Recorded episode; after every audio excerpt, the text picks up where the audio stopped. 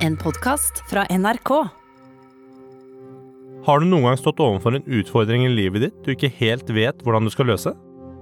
Eller at dagene alltid begynner med stress? Visste du at det går an å designe livet ditt sånn at det blir enklere?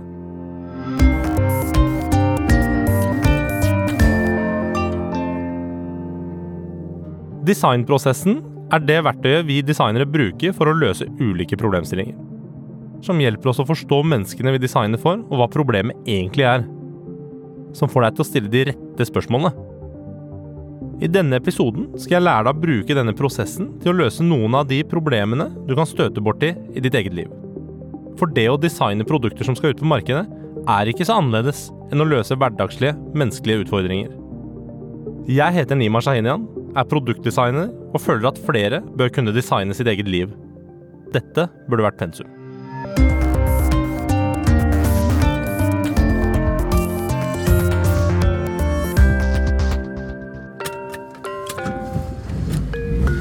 Nå er vi på vei til eh, min fetter Christian. Klokka er halv sju på morgenen.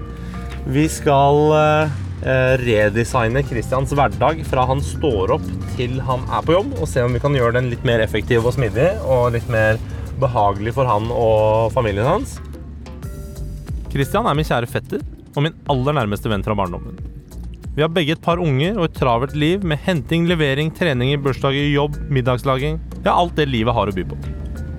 Jeg har lyst til å bruke Christian som et eksempel for å se om jeg kan løse en av de mest gjenkjennelige utfordringene i hverdagen. Nemlig den kaotiske starten på dagen. Men før jeg treffer Christian, er det viktig at du forstår hva en designprosess er. Og for at du skal forstå hva en designprosess er, så er det viktig at du først forstår hva design handler om. Mange tror design kun handler om å gi et produkt en form, eller gjøre et objekt mer trendy. Det kan være alt fra visse møbler til ulike lamper til biler og klær. Og i mange tilfeller er det det også. Og det er bra, for vi trenger vakre gjenstander og vakker design. Det betyr faktisk noe for oss at ting ser og føles bra ut i livene våre. Hvis ikke ville verden blitt veldig homogen og kjedelig. Men design er så mye mer enn bare estetikk og det å skape vakre produkter som vi omgir oss med. Et utrolig vakkert eksempel på kraften av design er hvordan noen av kollegene mine i Designet Oslo redesignet brystkreftdiagnostikk. De klarte bl.a. å redusere ventetiden fra en kvinne oppdaget en kul i brystet, til de fikk svar på om de faktisk hadde brystkreft eller ei, med over 90% Fra hele tolv uker til fire dager. Dette klarte de ved bruk av gode designprosesser som viktigst av alt hjalp de med å stille de riktige, noen ganger tilsynelatende enkle, men ekstremt viktige spørsmålene. Først handler det om å forstå hvem man designer for, og deretter identifisere hva det reelle problemet man står overfor egentlig er. I Kreftprosjektet var spørsmålet i starten hvordan kan vi skape en bedre pasientopplevelse for kvinner med brystkreft? Og for å få en god forståelse av hvordan kvinnen hadde gjennom denne prosessen, ble det arrangert en stor workshop med over 40 ansatte på tvers av avdelingene på sykehuset. Ved hjelp av metoder for tjenestedesign kom de til slutt fram til helt nye rutiner for å både redusere ventetiden på å få en diagnose, bedre pasientens opplevelse i alle trinn av prosessen, og forbedre kommunikasjonen slik at pasienten fikk en sterkere forståelse av hva trinnene fram til en eventuell diagnose innebar. Resultatet fungerte så godt at dette systemet nå både har blitt den nye nasjonale prosedyrestandarden, både for diagnostisering av kreft og for psykiatrisk behandling. Som du skjønner, så handler altså design om å tenke ut nye måter å løse utfordringer på. Og disse metodene kan brukes til det aller meste. Som hvis du har problemer med kjæresten din, har lyst til å finne bedre metoder til å spare penger til det du ønsker deg, eller om du vil organisere livet ditt så du får mer tid til de tingene du liker best. Og nå skal du få møte en person som har en eksisterende utfordring som han ønsker å bli kvitt. Ja, der kommer han. Morgen. Halla, Chris. Jeg har aldri vært her så tidlig. Første jeg skal gjøre, sette på kaffen. Ok, greit. Jeg bare følger etter det. Dette er altså Christian. Han er 39 år gammel, sånn rundt 1,70 høy og har i motsetning til meg mistet det meste av håret sitt. Han går ofte i rutete skjorter, er velkledd, og en sånn type du bare ser er snill og god tvers igjennom. En type som gir mye av seg selv til de rundt seg. Han er lykkelig gift med Katrine, og de har to barn. En sønn på åtte og en datter på ni. Christian jobber som controller i et stort privat firma innen helsesektoren. Alt er bra, og livet på stell. Man har ett problem. Ja, men det er greit. Det er faktisk å gå om eh, 20 minutter. Må spiser du ikke frokost? Det rekker ikke. Da begynner det å bli veldig rotete å være vekk her. Få det bare litt vekk. Nå begynner jeg å pakke sekken. Den her burde vært satt ned først. Sånn er det parkegryta. Eller skal jeg eh, For da glemte jeg at den buksa jeg skulle ha, den var jo på det rommet her oppe. Nå er jeg opp igjen. Gå? Da kan dere gå på skolen. Jakke. Her. Må komme. Klarer jeg å få de ut i tide, så at jeg rekker arbeidsdagen? Det er det som stresser meg mest. Hver eneste morgen er det totalkaos hjemme hos Christian. Unger skal vekkes, matpakker skal smøres, frokost skal spises, sekker skal pakkes, og så skal man ha tid til å ordne seg selv også, da. Og når ungene omsider har fått i seg mat og klær, er det bare å dytte de ut av døra og powerwalke til bussen. Pleier du å bli klam før du er på jobb, Christian? Ja, når jeg vet at jeg eh, skal rett i et møte, eller noe sånt, så er det T-skjorte under skjorta. For da kan jeg ta av den T-skjorta når jeg kommer til jobb. Å ja. Ikke sant? Så du planlegger, du planlegger for å bli svett? Ja. Men eh, 80% av tilfellene så glemmer jeg det, da. Christian forbereder seg altså på at han kommer til å stresse og bli svett. Men dette hadde ikke vært nødvendig hvis morgenrutinene var mer effektive.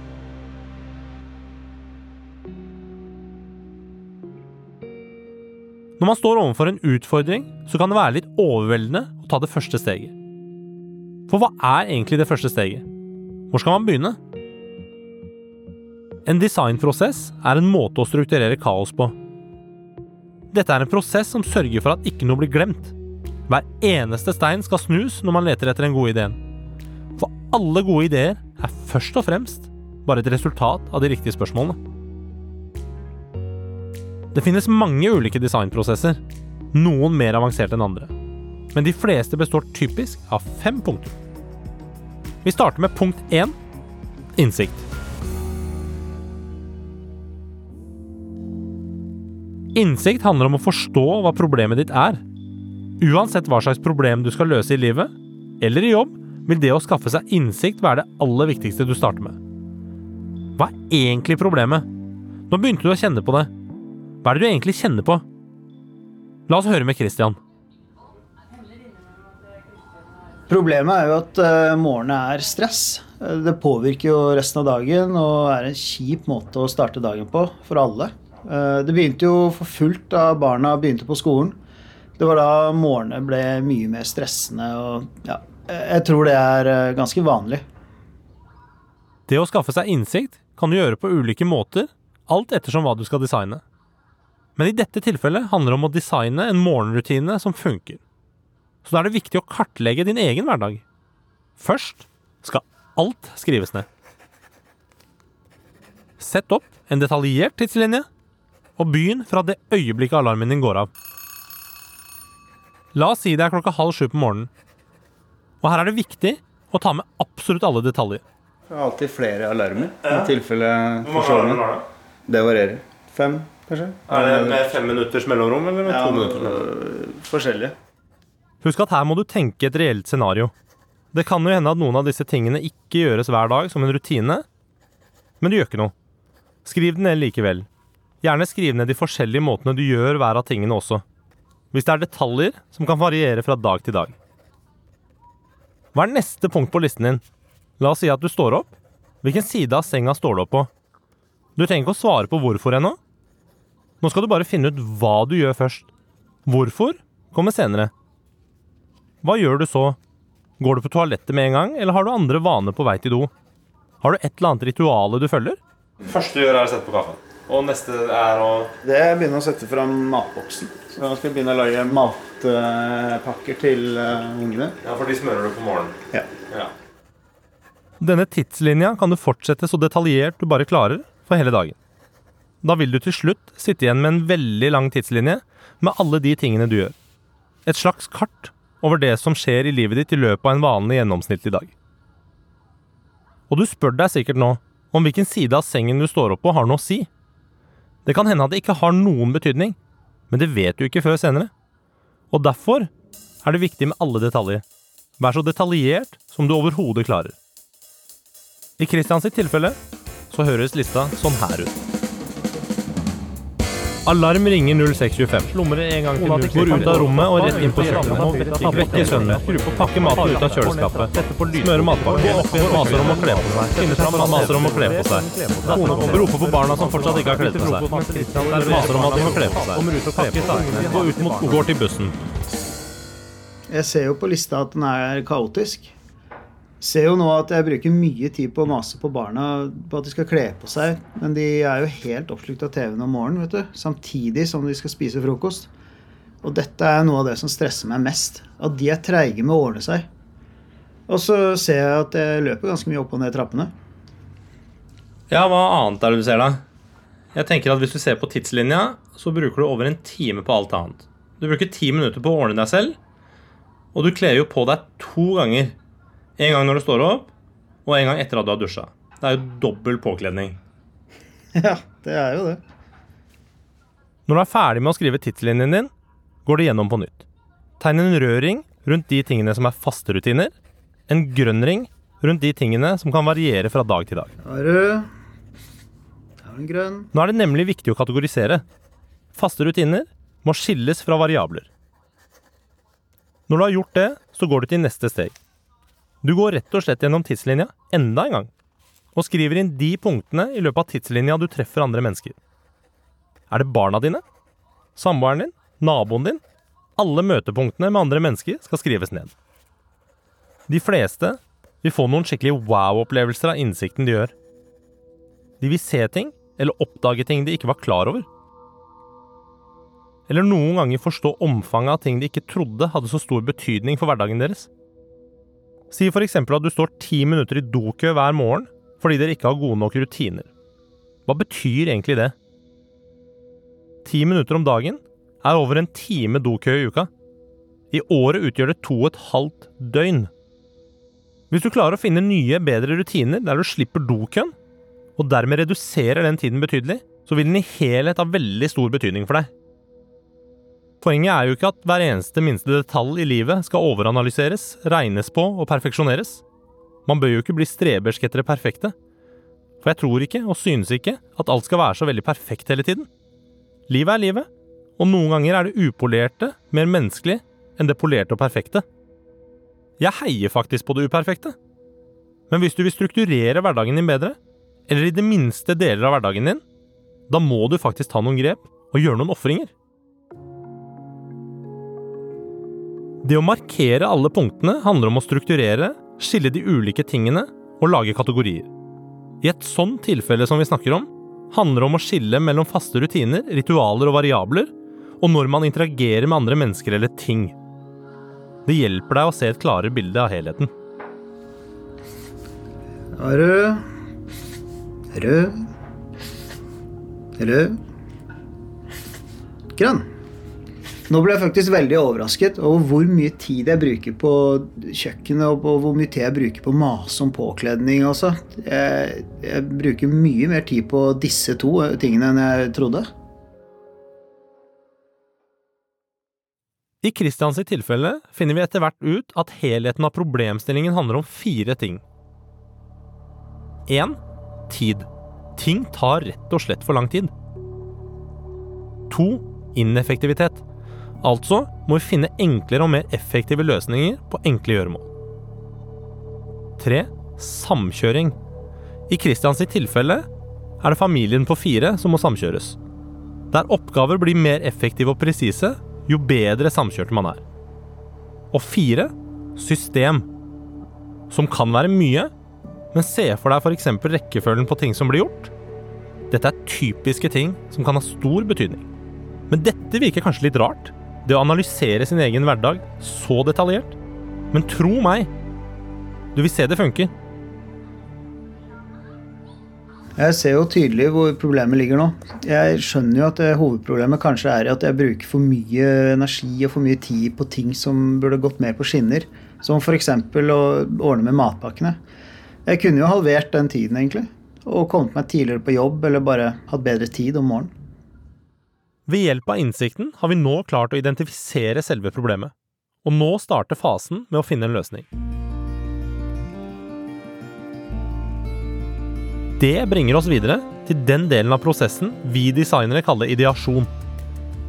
Dette er rett og slett den fasen man skal finne de gode ideene for å løse de problemstillingene man fant i punkt 1 innsikten. Nå kan du gå tilbake på tidslinjen igjen og starte fra bunnen. Dette blir sikkert tiende gangen du gjør det, men denne gangen skal du ikke kartlegge mer. Denne gangen skal du begynne å stille de kritiske spørsmålene. Hvorfor gjør jeg dette når jeg står opp? Hva er fordelene, og hva er ulempene med måten jeg gjør det på? Hva kunne jeg gjort for at akkurat denne handlingen skal bli mer effektiv? Mindre tidkrevende og mindre irriterende for både meg selv og de rundt meg? Hvor mange alternativer finnes det for å gjøre akkurat dette? La oss dra tilbake til Christian igjen for å stille de kritiske spørsmålene. Jeg har sett gjennom innsikten din. Et av problemene er jo påkledning, sant? Ja. Hvis du ser på kartet du har laget, så ender barna dine oppe i sofaen foran TV-en. Og det er jo her de ikke kler på seg. Jeg har et par ideer til løsning. Den ene er bl.a. å legge fram klærne kvelden før. Men det gjør jeg jo allerede. Ja, Men hvorfor legger du fram klærne på rommene deres? Når de uansett går opp i sofaen uten klær?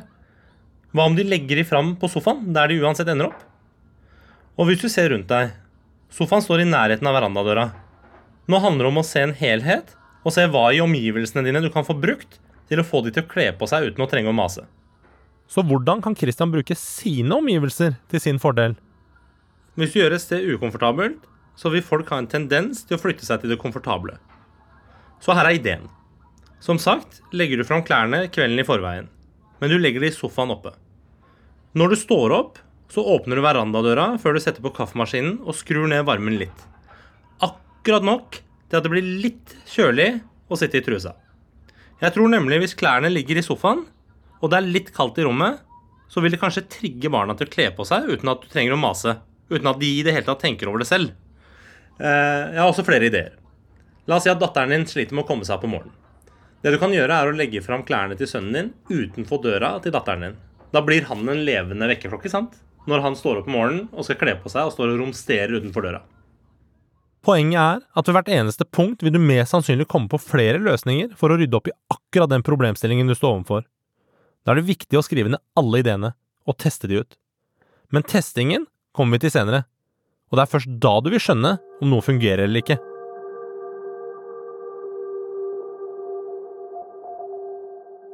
Høres kanskje litt ufølsomt ut, det å skulle designe ditt eget liv så strategisk. Men det er ikke det. Tvert imot. Man prøver jo å løse noe som treffer følelsene dypt. Det er litt som å følge en god matoppskrift. Følger du oppskriften til punkt og prikke, så blir det som regel bra, fordi det er en grunn til at oppskriften er satt opp i nettopp den rekkefølgen. Men når du har gjort det noen ganger, så kan du begynne med dine egne variasjoner.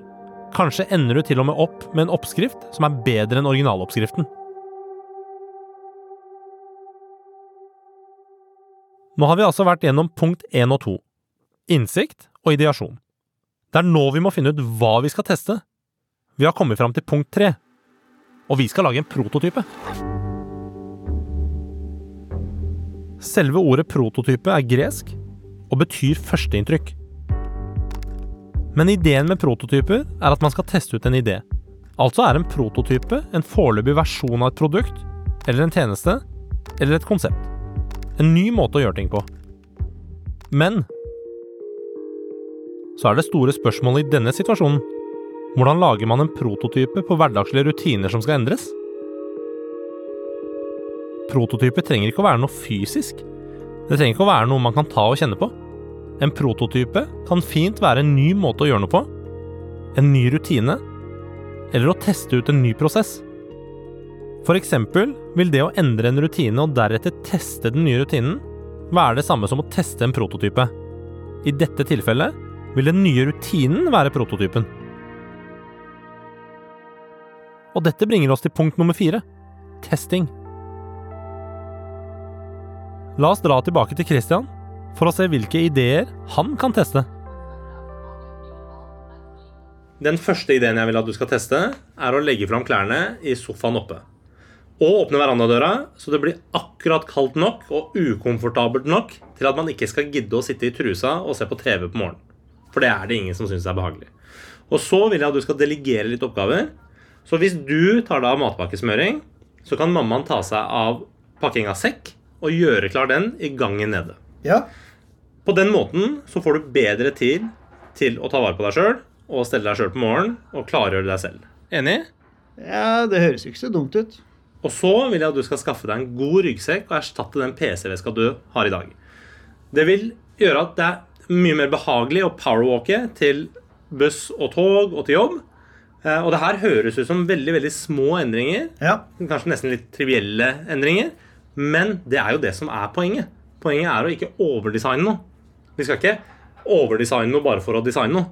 Vi skal finne de enkle løsningene for å løse de større problemstillingene. Sant? ja. Det var jo virkelig gode ting å, ting å teste. Det er bare å sette i gang. Når man gjør dette, finner man fort ut hva som funker, hva som ikke funker, og hva man bør endre på for at den skal funke bedre neste gang. Først når man har testet og funnet ut disse tingene, vil man ende opp med et resultat som funker ganske godt. Dette er jo resultatet av prøving og feiling med prototypen. Først da vil man begynne å finjustere og ferdigstille ideen. Christian har nå fått en uke på seg til å teste de første prototypene. Det er på tide å høre hvordan det har gått. Jeg har testa hver dag nå. Eh, klær i sofaen, veranda der oppe.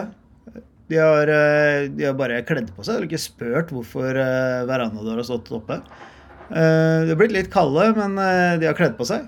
Det gikk overraskende bra. Så bra. Hva med de andre ideene? Altså Sekken, det var jo det var en veldig god idé. Den eh, bare endra reiseopplevelsen eh, til det mye bedre. En liten endring som jeg ikke hadde tenkt over at kunne gi en så stor effekt. Hvor prototypene viser seg å funke ok, så har man ved dette tidspunktet fått et slags proof of concept. Men det nye systemet er ikke finslipt ennå. Her vil man begynne å detaljdesigne og finpusse på prototypen. Helt til den er et ferdig produkt, klar for implementering. Noen ganger må man i denne fasen teste andre variasjoner av prototypen også. Hva med det siste punktet du skulle teste? da? Delegering av oppgaver og, og endring av rekkefølge?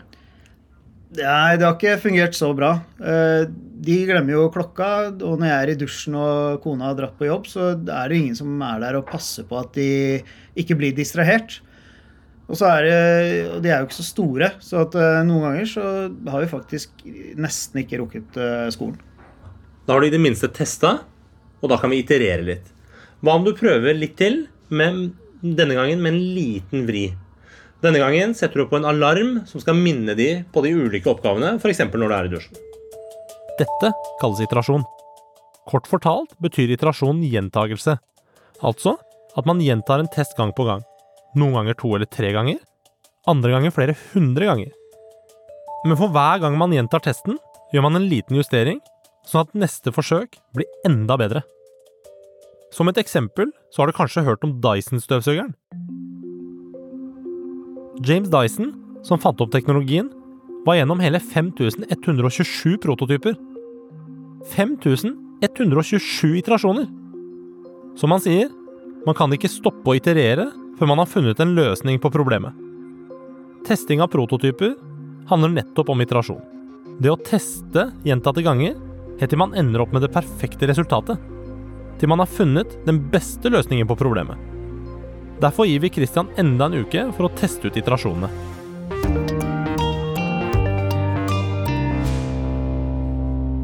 Da har en uke gått, og vi kommer tilbake til Christian. De første ideene som eh, fungerte godt, fungerer eh, fortsatt godt. Men det var ikke nok med alarm, altså. De, eh, de skrur den av bare, og fortsetter. Ja, ok. I det tilfellet her så tror jeg vi bare må fortsette å iterere litt til, til vi får det til.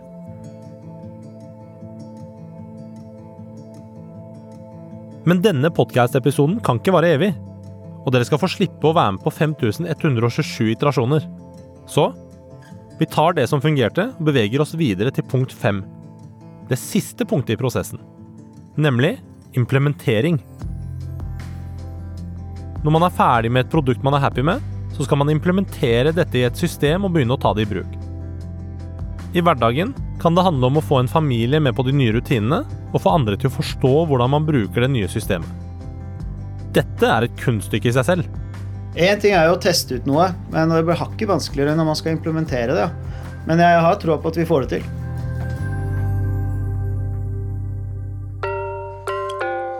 Kristian og familien har endelig fått noen nye rutiner å bryne seg på. Men hva med deg? Føler du at din utfordring er litt mer overkommelig å løse? Jeg heter Nima Shahinian, og nå håper jeg du har lært noe nytt om hvordan du kan designe ditt eget liv. Så helt til slutt, husker du hva de fem punktene i designtenkning er? Punkt nummer én innsikt. Gjør et godt grunnarbeid for å forstå helheten og finne ut hva problemet egentlig er. Punkt to ideasjon. Still de kritiske spørsmålene og finn ideer som løser problemstillingen. Punkt tre prototyping. Lag en foreløpig versjon av et produkt, en tjeneste eller en rutine. En foreløpig versjon som det går an å ta med seg til punkt fire. Testing. Vi vet aldri om en ny rutine kommer til å fungere før vi har testet den. Så testing og iterasjon er enormt viktig for å komme frem til den beste løsningen. Og når man har kommet frem til den beste løsningen, når man har designet den mest effektive rutinen eller det beste produktet, da er det på tide med punkt nummer fem implementering. Implementer løsningen inn i hverdagen din. Så hva er det du ønsker å designe?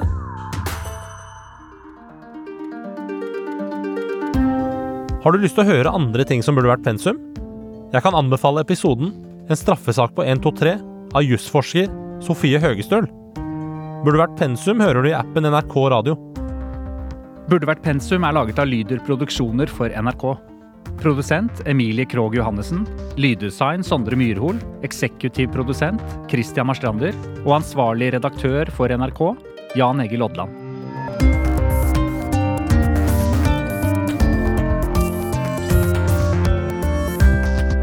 En podkast fra NRK.